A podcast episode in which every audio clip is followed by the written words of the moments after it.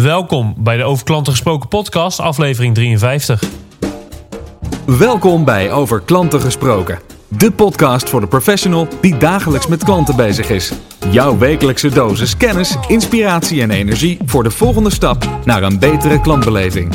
Met uw host, Sydney Brouwer.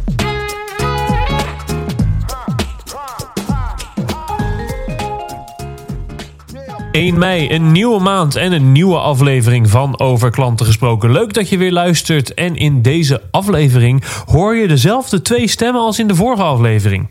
Jawel, jawel. Ook nu hoor je weer mijzelf en Klaas Wijma. Maar dit keer word ik niet geïnterviewd. Nee, dit keer interview ik Klaas mede-podcaster. Hij is onder andere eh, host van de CMO Talk podcast, waar hij de grote marketingmannen en vrouwen van Nederland interviewt over hun visie op marketing. Uh, en oprichter van reclamebureau Energize. En daar gaan we het over hebben. We gaan het hebben over het snijvlak tussen klantgerichtheid en reclame en communicatie met klanten en hoe Zorg je nou dat jouw reclame goed aansluit bij wat de klant wil? Bestaat er zoiets als klantgerichte reclame? En ook, hè, wat is nou die rol van marketeer tegenwoordig? Is die de afgelopen jaren veranderd? Is die niet veranderd? Gaat die veranderen in de toekomst? allerlei dingen die aan bod komen in deze leuke aflevering van Over Klanten gesproken. Um, en ik heb verder eigenlijk niet zo heel veel meer te zeggen. Dus laten we gewoon gaan luisteren naar mijn gesprek met Klaas Wijma. En zoals altijd vind je meer informatie in de show notes op sydneybrouwer.nl slash 53. We gaan nu luisteren naar mijn gesprek met Klaas Wijma van Energize. En uh, op dit moment ben ik uh, op bezoek in uh, Amsterdam-West, is dit denk ik. Ja. En uh, praat ik met iemand die je misschien wel kent aan zijn stem. Zowel van de vorige aflevering waar hij mij heeft geïnterviewd. Maar ook van zijn eigen podcast, de CMO Talk podcast.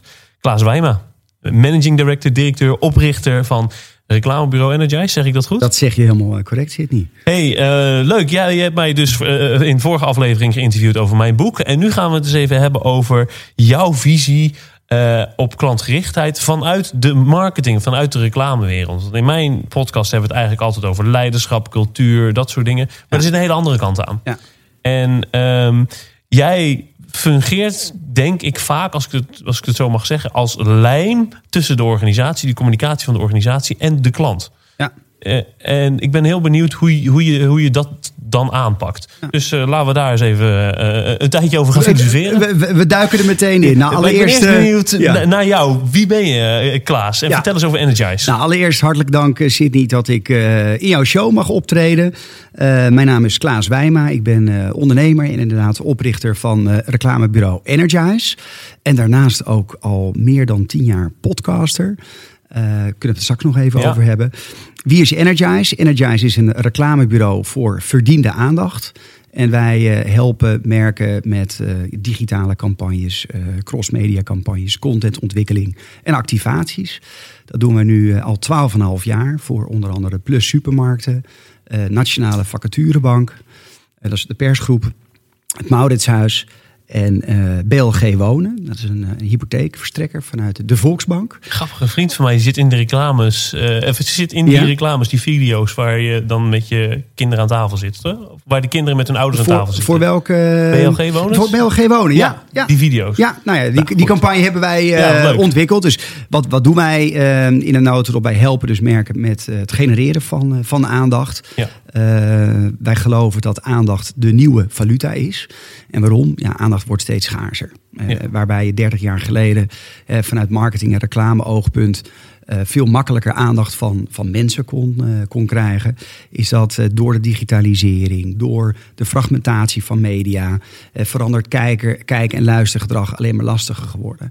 Dus wij nemen altijd heel duidelijk de mens of de klant als startpunt. Ja. En proberen daar relevante communicatie op te ontwikkelen. En dat doen we met een team van 18 man in Amsterdam. Ja, want jij zegt verdiende aandacht. Dat is, Ja. jullie, uh, dat is jullie belofte. Ja, Um, en dat is verdiend vanuit ogen van de klant. Ja Neem precies. ik aan. Hè? Ja. Dus jij moet als bedrijf de aandacht van de klant verdienen Juist. door, door. Door wat eigenlijk? Hoe Ja, doe je dat? Nou ja, door allereerst heel erg relevant te zijn. En eh, relevant vind ik altijd zo'n uitgehold begrip. Maar eh, bij relevantie vind ik dat het heel erg duidelijk gaat om klantinzicht. Dus een merk uh, moet in zich hebben, of een bedrijf moet het in zich hebben om uh, toegevoegde, waarde te, toegevoegde waarde te leveren voor, voor mensen. Dat betekent dat een merk uh, het leven van mensen gemakkelijker, leuker, bijzonderder, gezonder, ja, you name it maakt. To echt toegevoegde waarde biedt. En op het moment dat je dat op een goede manier doet en goed ook naar klanten luistert en naar mensen luistert, dan uh, krijg je iets terug. En dat is aandacht. Daarom zien we het ook als een valuta. Dus het is een ruilmiddel. Waarom zou ik, hè, waarom zou jij Sydney aandacht geven aan merk X, Y of Z? Of waarom zou de luisteraar uh, uh, aandacht geven voor jouw podcast?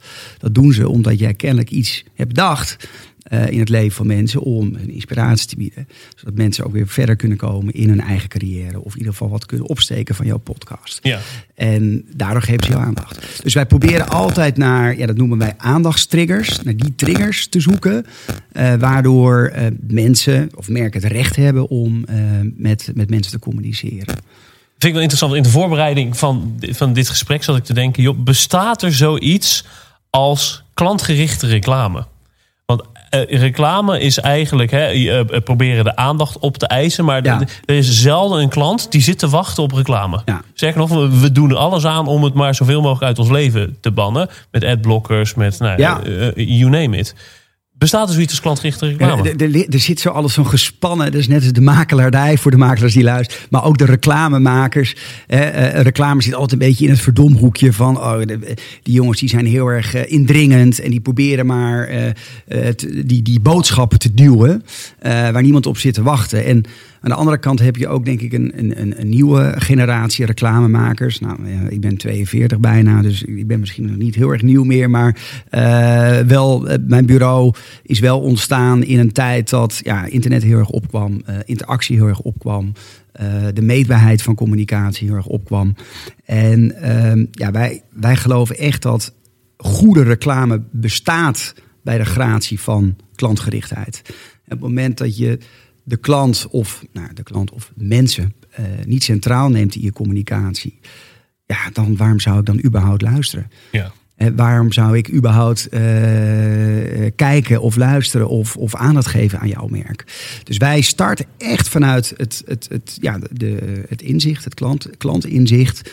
Om vervolgens ook te kijken hoe kunnen we nou vanuit communicatie en vanuit marketing een relevante oplossing uh, bieden voor een probleem wat leeft bij, bij mensen. En dat op juist op een ja. andere manier te doen. Dus jij zegt, joh, uh, klantgerichte reclame bestaat.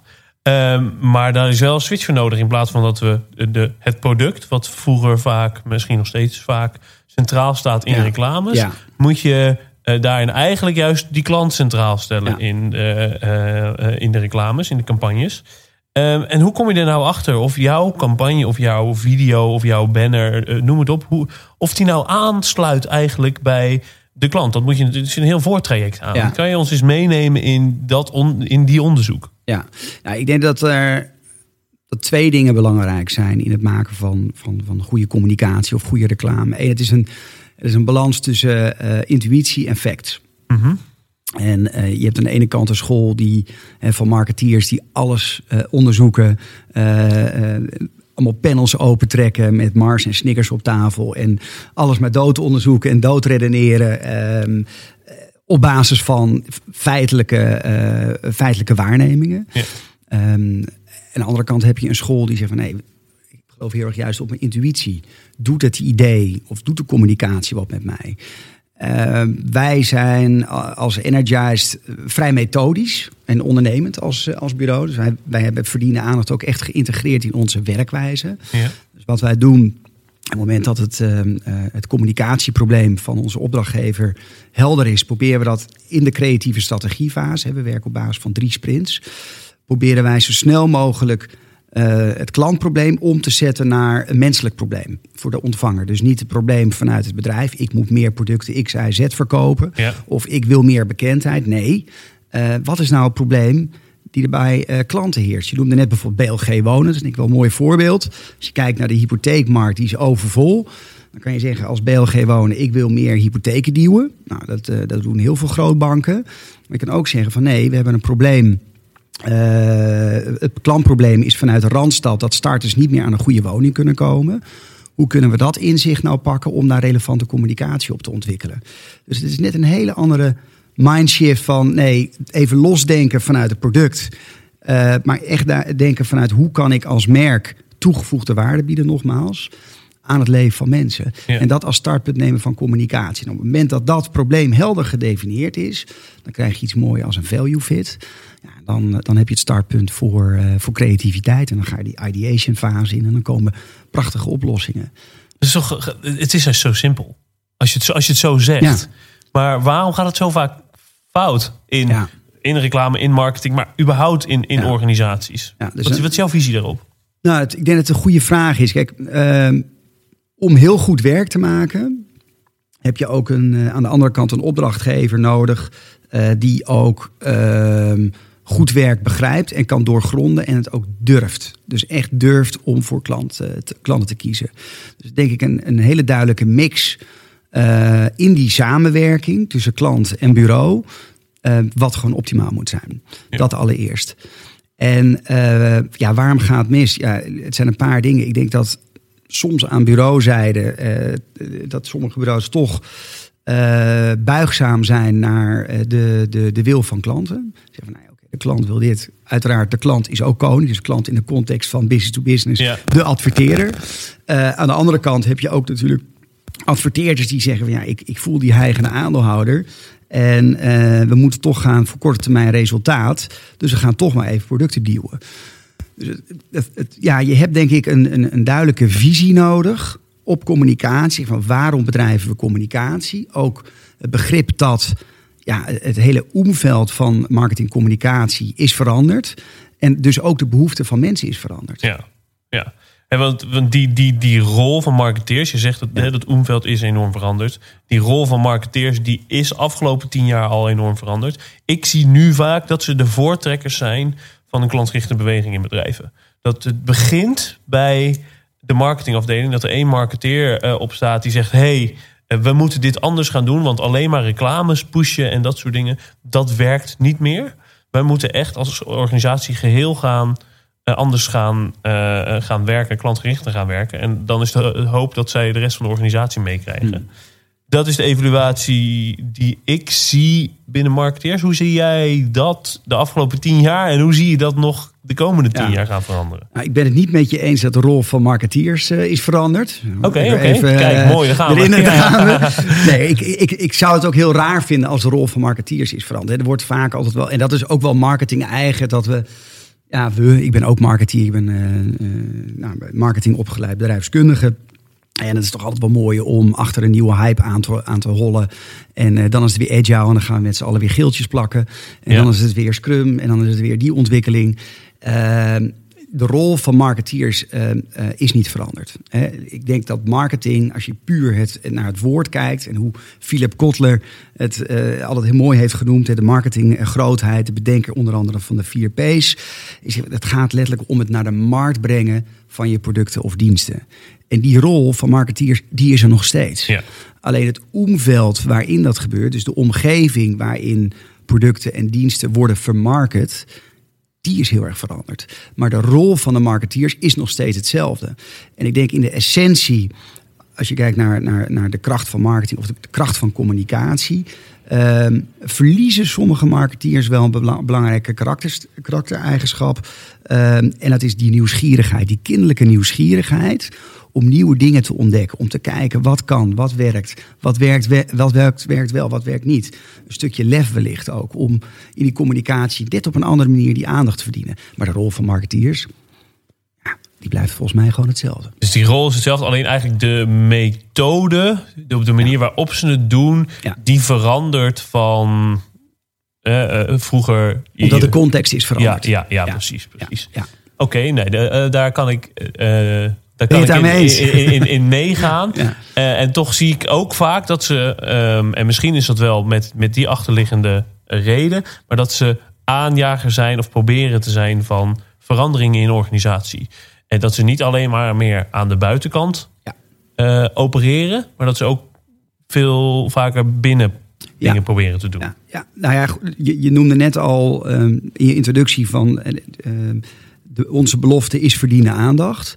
Eh, ik denk dat je dat correct zegt. Dat, dat steeds meer adverteerders en merken ook ontdekken dat het begint bij de bewijsvoering van hun belofte. Ja. Dus de tijd is echt voorbij dat je iets prachtigs belooft, gouden bergen belooft in een eh, 30 of 25 seconden tv-commercial.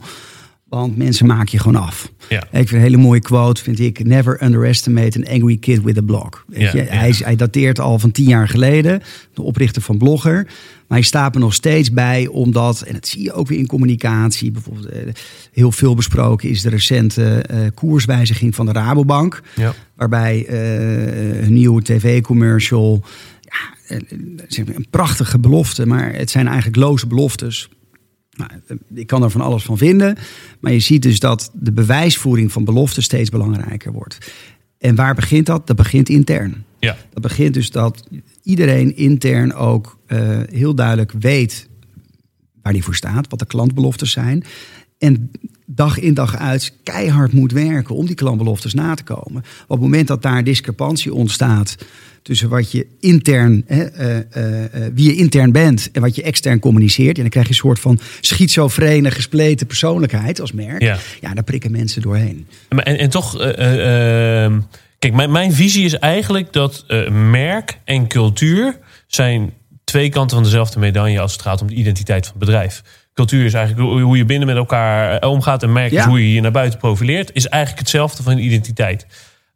Ik, ik vind het daarom eh, schrik, schrikbarend eigenlijk dat heel veel organisaties nog steeds hun merk zien veranderen. Ja. Terwijl dat daarmee alleen maar verder weggaat van wie ze zijn als, als bedrijf eigenlijk. Wat hun identiteit is. Hoe kijk jij daar tegenaan? Ik ben het helemaal met je eens. Dus oké.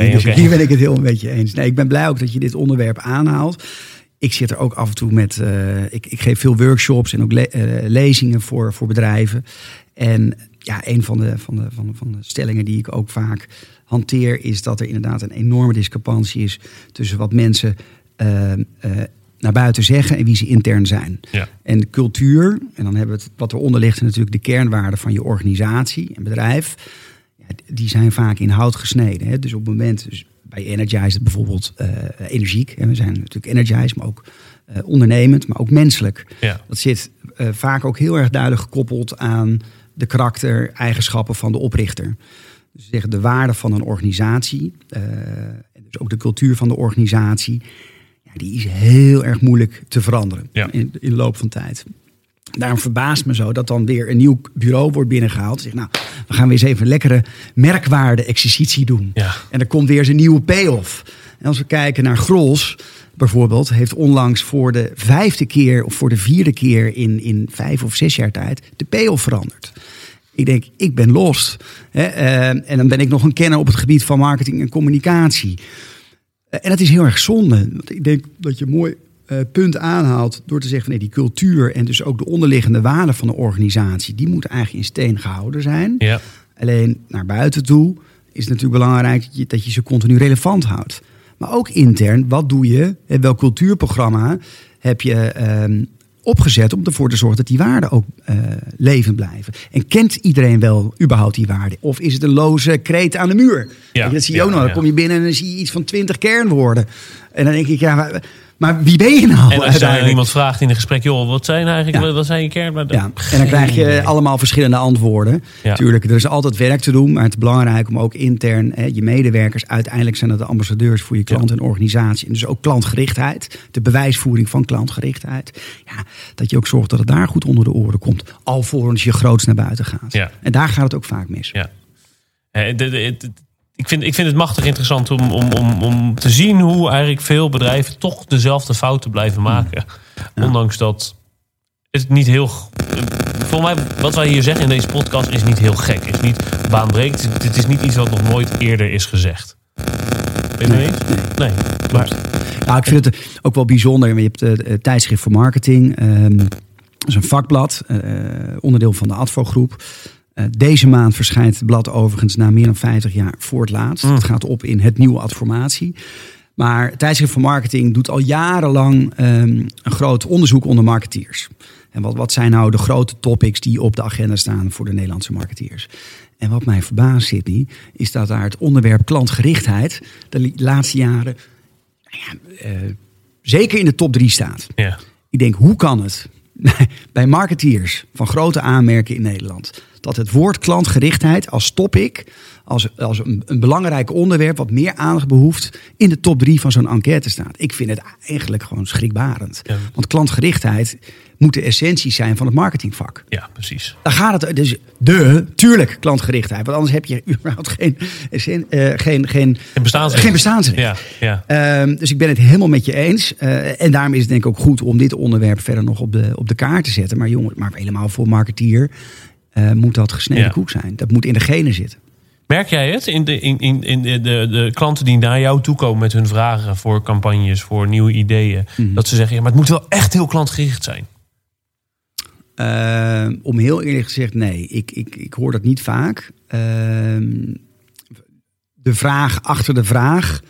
Eh, Dus wij, wij ja, ik, ik, ik probeer altijd eh, drie tot vijf keer een waarom-vraag te stellen om achter de essentie van de vraag te komen. Maar ik zie wel dat, ehm, eh, en wil ik het eigenlijk wat in een bredere context trekken dan alleen maar de adverteerders waar wij voor mogen werken. Maar dat veel merken ook zoekende zijn. Ja. Zoekende zijn van hoe kan ik op een relevante manier weer in dialoog komen met, met klanten. Hoe kan ik relevant zijn? Hoe kan ik inderdaad aandacht verdienen? Hoe kan ik die, die, die relatie verdienen om in ieder geval met hen eh, ja, überhaupt in contact te komen? Ja. Veel merken zijn eh, de, eh, de verbinding kwijt.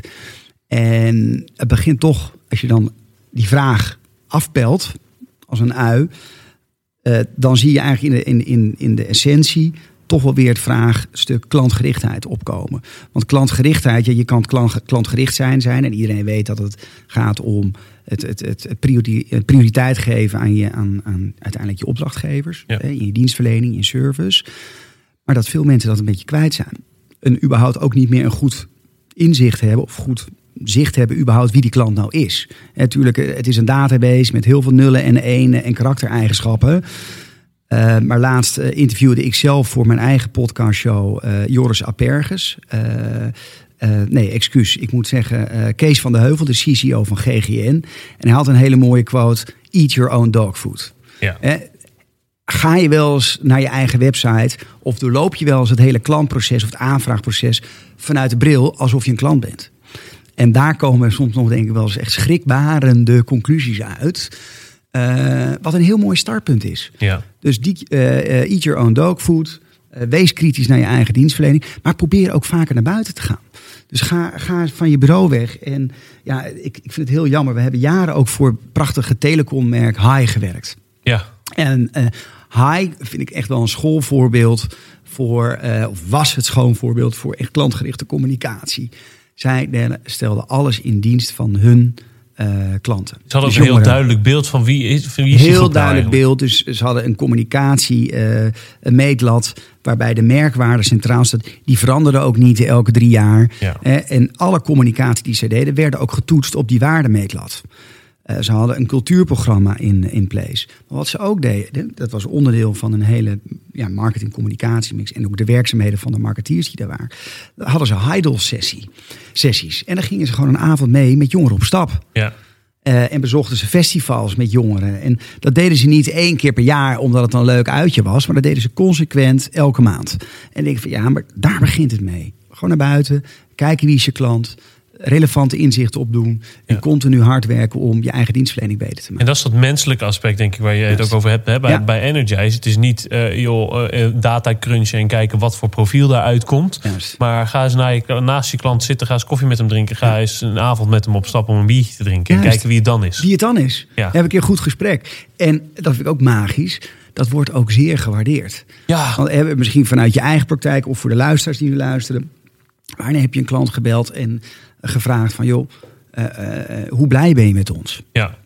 En hoe kunnen we je verder helpen? En er is geen enkel klant die zegt van joh, ik heb er helemaal geen zin in en geen tijd voor. Ja, misschien wel als je zo'n anonieme survey krijgt van zo'n survey monkey en wil je de surveytje invullen. Denk ik van joh, helemaal voor de mensen die in business to business eh, zitten, bel ze gewoon eens op. ja. Ga gewoon eens met die klant lunchen en vraag van joh, hoe blij ben je met ons? En hoe kunnen we je verder helpen en waar laten we het liggen? We hebben, ik heb, vorige week heb ik een, een sessie, een, een, eigenlijk een 24 Hours of Customer Experience noemen het. Een soort hackathon hebben we Mhm. eh, georganiseerd bij Tele2.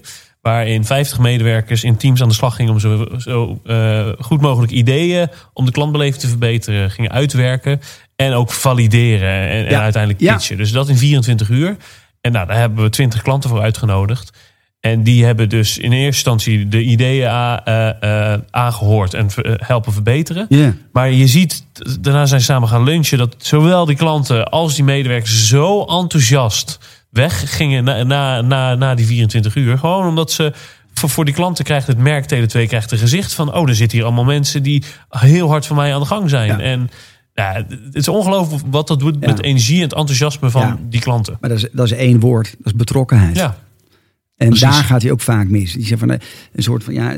De, de, eh, eigenlijk een beetje de arrogantie van die ivoren toren van wij als marketeers of ik als merkeigenaar heb de wijsheid in pacht. Ja. Nee, it's a two-way street. En daarom vind ik hem ook mooi eh, dat we zeggen van nee, zie het nou als een valuta, zie het nou als een ruilmiddel. Jij wil die aandacht, maar uiteindelijk de mensen aan de andere kant van de tafel, die wilden wel wat voor terug. ja. Kijk maar naar het meisje in de kroeg. Hè, eh, waarbij je zegt, leuk, ik wil een date. Of ik vind het, ik wil, daar moet je je best voor doen. ja. Weet je? Dus dat is, ja, je moet die aandacht gewoon wel verdienen. En dat betekent wel dat, eh, dat je relevant moet zijn. Dat je ook echt wat te bieden moet hebben als merk of organisatie. Want anders ben je gewoon weg. Mooi. Ik heb hier nog als vraag staan. ehm, eh, eh, hoe bouw je een sterk merk? Maar als ik denk dat we daar de elementen van hebben besproken, als ik hem samen mag vatten. Ja. Dat is goed weten wat nou de kern is van je organisatie, wat Ja. de kernwaarden zijn. En daar vervolgens eh, aan de binnenkant aan gaan bouwen, zodat iedereen het weet, iedereen Dat er naar consistent handelt, is. in die, Ja. ja. consistent is. En aan de buitenkant, aan je merk, die goed eh, eh, laten aansluiten op je, de problemen van de klant. Dus Ja. niet op wat je zelf wil pushen, maar op de, wat de klant eigenlijk zoekt. Ja. Heb je nog aanvullingen op? Ja, ik denk dat de stap voor intern. Eh, en het is niet voor niet eh, de show wat gaat over klantgerichtheid. Ja. Ik denk dat het start bij de mens. Ja. En ik, ik noem het met opzet niet klant, want ik heb klanten en dat zijn dan adverteerders. Maar dat zijn uiteindelijk de mensen waarop je eh, als organisatie of start-up, eh, waar het allemaal om draait. Ja. Die uiteindelijk jouw rekening betaalt. Hè. Waar je de aandacht van moet verdienen. En het moment dat je dat profiel, hè, die customer profile, heel helder in beeld hebt. En ook vanuit echt het klantprobleem eh, kijkt naar waar ligt nou die behoefte. Waarvoor ben je hier als organisatie? Dat doe je uiteindelijk toch om iets, ja, om relevant te zijn, om toegevoegde waarde te bieden voor iemand op deze aarde. Want als Ja. je niet, niet relevant bent en geen toegevoegde waarde kan bieden, dan ben je weg. Ja. Dus volgens mij begint het echt bij, eh, bij het startpunt me- eh, mens. En ook het inzicht dat je als merk, merk ondergeschikt bent aan de behoeften van die mensen die je dient. Dus, eh, Oeh, ja. dat, de- de- hier- hier krijgen een aantal marketeers denk ik, denk, oh nee, dat is, is dat echt waar? Maar, maar Ja? ga, verder. Nou ja, dus ehm, ik denk dat marketing in dienst moet staan van, eh, van mensen. Ja. Eh, en, en veel minder andersom. Dus de laatste jaren, en dan, dan is het cirkeltje denk ik rond, waardoor mensen adblockers en eh, massaal gaan Netflix, omdat ze dan geen eh, Reclame eh, reclame meer en, en de TiVo en de DVR's. Ja, bedoel, wij kijken ook de Voice dan op, op zaterdagochtend, omdat ik niet vier uur lang naar de televisie wil zitten te staren, om al die reclameblokken door te hoeven. Bovendien zijn de kinderen van mij ook nog wat jonger. maar dat het doorgeslagen is. Ja. Dus dat ehm, eh, eh, ja, mensen in dienst gaan staan voor merken of organisaties. En maar pas op, wacht even, daarvoor zijn we hier niet. We zijn hier gekomen omdat we een, bepaalde, een bepaald probleem willen oplossen. Omdat we de wereld wellicht wat beter willen maken. Dat hoeft ook niet altijd hoogdravend Simon Sinex Y te zijn. Het kan ook zijn dat je het wat dichter bij jezelf houdt. Omdat je een probleem wil oplossen voor, voor Ja. mensen. En op het moment dat je dat niet scherp hebt als organisatie... Dan, dan, kan je, eh, dan kan je heel veel dingen doen. Maar dan is het denk ik eh, gedoemd te mislukken. Het begint echt mens centraal. Eh, eh, dienend, eh marketingcommunicatie moet daarin dienend zijn. Vervolgens een stap naar intern. Welke organisatie heb ik ervoor nodig? Welke waarden zijn er uniek voor mijn merk of organisatie? En hoe hou ik die levend? Ja. Dus niet alleen maar zeggen, nou, we hebben eens een keer leuk met een consultant een waarde-exercitie gedaan. We hebben ze nu, we plakken ze op de muur, we zijn klaar. Nee, dat is een proces in de werving, in de propositieontwikkeling, productontwikkeling. Overal, moet dat, iedereen moet dat zweten, ademen. Ja. eh, zodat het echt consistent wordt. En dan pas de stap naar buiten te maken. En op het moment dat je die eerste twee stappen niet scherp, eh, scherp op een netvlies hebt staan. En meteen bij stap drie, hup, we gaan extern communiceren. Ja, dan is lege huls. En dan prikken mensen tegenwoordig echt eh, dwars doorheen. Ja. Klaas, is er een vraag die ik had moeten stellen, maar die ik vergeten ben? vraag die zou moeten stellen. Nou ja, het is leuk als luisteraars die wat meer willen te weten komen over marketing en merken. Dat ze eh, kijken op cmotalk.nl. CMO Talk podcast ga je de de, podcast. link ga je absoluut vinden Dat in, is in leuk. show notes. Eh, dat zou ik, zou ik waarderen. En, eh, en bij deze ook een uitnodiging. Eh, heb je een vraag aan mij? Ik ben altijd bereid om een, eh, een vraag te beantwoorden. Dat kan via Twitter, Klaas Wijma met eh Wijma met korte ei. Eh, of op LinkedIn ben ik te vinden. LinkedIn.com slash Klaas Wijma. Eh, of eh, per mail kan het ook nog tegenwoordig. Klaas.energize.nl Dus stel mij gerust een vraag als je nog een vraag hebt. Gaan we zeker doen. En die zet ik ook allemaal in de show notes. Dus daar vind je alles eh, wa- wat je wil weten over Klaas en hoe je hem kan Supermooi. bereiken. Eh Dankjewel. dankjewel. Dankjewel Sydney. En dat was hem dan, mijn gesprek met Klaas Wijma. Eh, voor alle informatie waarin we refereren, kijk je in de show notes op sydneybrouwer.nl slash 53. En dan hoop ik dat je er de volgende keer weer bij bent bij een nieuwe aflevering van Over Klanten Gesproken op de eerste dinsdag van juni. Tot dan en voor nu een hele, hele, hele fijne dag. Bedankt voor het luisteren naar deze aflevering van Over Klanten Gesproken. Voor meer afleveringen en de show notes, kijk je op sydneybrouwer.nl slash podcast. Graag tot de volgende keer.